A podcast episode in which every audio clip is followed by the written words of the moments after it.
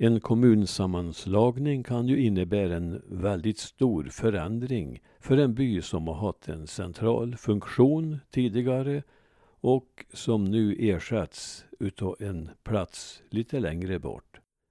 Jag ska ge ett exempel på detta och det gäller byn Långa, eller Långav som man heter nu. Där det tidigare var centrum i Dalby kommun. Artikeln fanns med i Värmlandsbygden den 28 maj 2009. När allting fanns i Långav, står det i rubriken. Fram till kommunsammanslagningen 1952 var byn Långav centrum för Dalby kommun och så välförsedd med allmänna inrättningar var denna by att man kunde leva ett helt liv där utan att åka utombys. Sedan kunde man i samma by flyttas över till evigheten på kyrkogården. Det var år 1726 som Långav tog över som socknens huvudort. För det året invigdes den då splitternya kyrkan efter långa diskussioner om var den borde placeras. Den gamla kyrkan i Ovansjöbygden hade tjänat ut, liksom Likenäs kapell.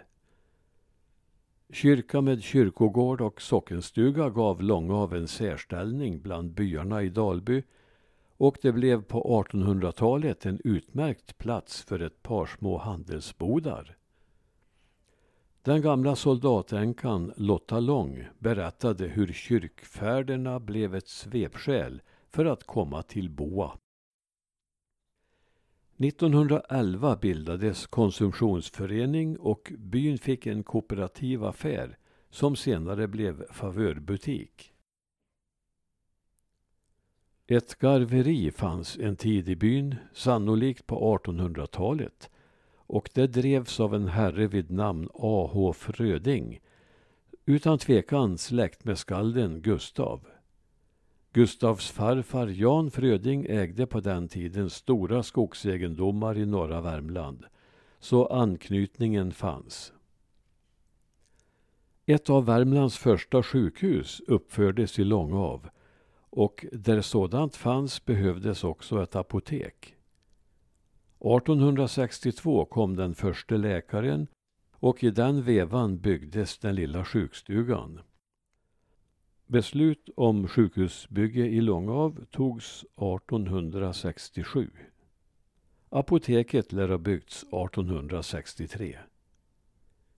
1919 byggdes en större och mer ändamålsenlig sjukstuga. Skolan kom till byn 1920 och ställningen som lokalt centrum förstärktes.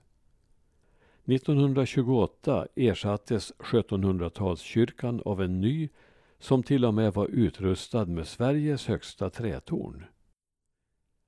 Runt 1940 brann sockenstugan och verksamheten där förlades till Pollackgården som låg där det senare församlingshemmet byggdes. Fotograf Emil Lundborg hade ateljé i den gamla sockenstugan och hans verksamhet togs upp av Arne Bergqvist i mitten av 1900-talet.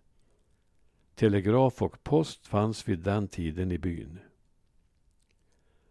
Ytterligare en satsning på Långav gjordes då man byggde ett nytt och modernt apotek lite närmare kyrkan 1942.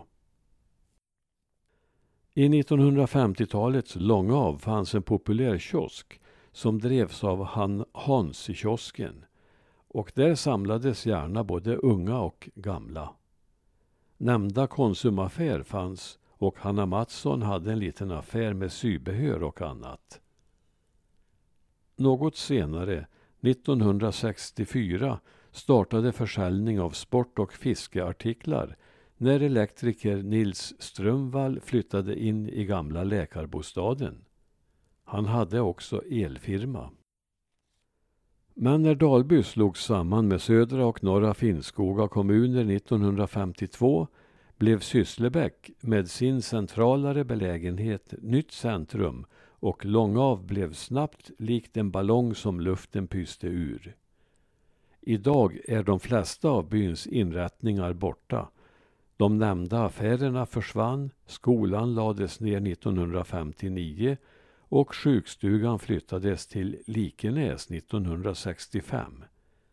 Men kyrkan finns tack och lov kvar och kyrkogården lär ingen kunna flytta på. I 2009 års Långav finns också blomsteraffär, frisör, Östlunds bilverkstad och kontor för Branneshus AB. Men många utsocknes vet inte ens att det finns en by med namnet Långav. Till och med själva namnet är hotat. Det står nämligen inte Långav utan Dalby på vägskyltarna och anledningen till detta är att Dalby kyrka ligger i byn och att det på kartorna står Dalby just av den anledningen. Men detta är inte nytt. Redan 1915 klagade kronolänsmannen. Platsen vid Dalby kyrka, apotek och sjukstuga heter icke Dalby, som främlingar i allmänhet kallar den, utan Långav eller Persby. Gränsen mellan dessa hemman går vid apoteket. Namnet på en blivande poststation därstädes bör vara Långav eller Persby, helst det förstnämnda. Alltså, Långav är rätta namnet, fast ändå inte helt och hållet. Som kronolänsmannen hävdade når hemmanet Södra Persby långt in norrifrån på det område som många räknar till Långav. Byarna har helt enkelt växt ihop. Hemmansgränsen går strax norr om gamla sjukstugans tomt, alltså mitt i byn. Och området norr om gränsen hör till Södra Persby medan området söderut hör till Långav. Men nu kallas allt Dalby. Låter det rörigt? Ja, det är rörigt. En faktaruta. Namnet Långav är ganska lätt att härleda.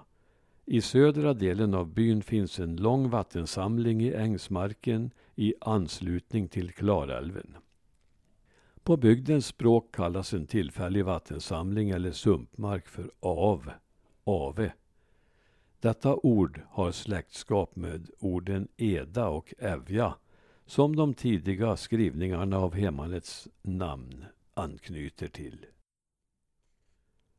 Bebyggelsen i södra Persby, Långav, ligger på tre nivåer. Längs hela byn sträcker sig i öster en hög hedplatå, Hian, som till stor del är bebyggd. Där bodde bland andra spelmannen Adolf Lång. Han härstammade från soldattorpet som låg strax norr om kiosken och mittemot kyrkan, det vill säga på den mellersta nivån. Den låglänta del av byn som ligger närmast älven kallas Näs och har några få gårdar av Per Albin-modell. Prästgården som byggdes i mitten av 1900-talet har byggts om till församlingshem och det gamla församlingshemmet har rivits. Dessutom, sedan artikeln vart skriven har det kommit fram att det var år 1942 som Gammels sockenstuga i Långa brann. Ännu ett litet tillägg. På initiativ av Dalby hembygdsförening så har skylten där det stod Dalby bytts ut mot Långav. Och detta var tack vare ett vänligt tillmötesgående av Trafikverket. Dessutom har en ny kyrksal byggts som ett litet komplement till den stora kyrka där man har en del gudstjänster vintertid och lite annat. När det gäller sjukhusbygget så eh, kom beslutet tydligen 1919 om ett nytt sjukhus. Men eh, bygget kom troligen inte igång förrän i början på 20-talet och var klart 23.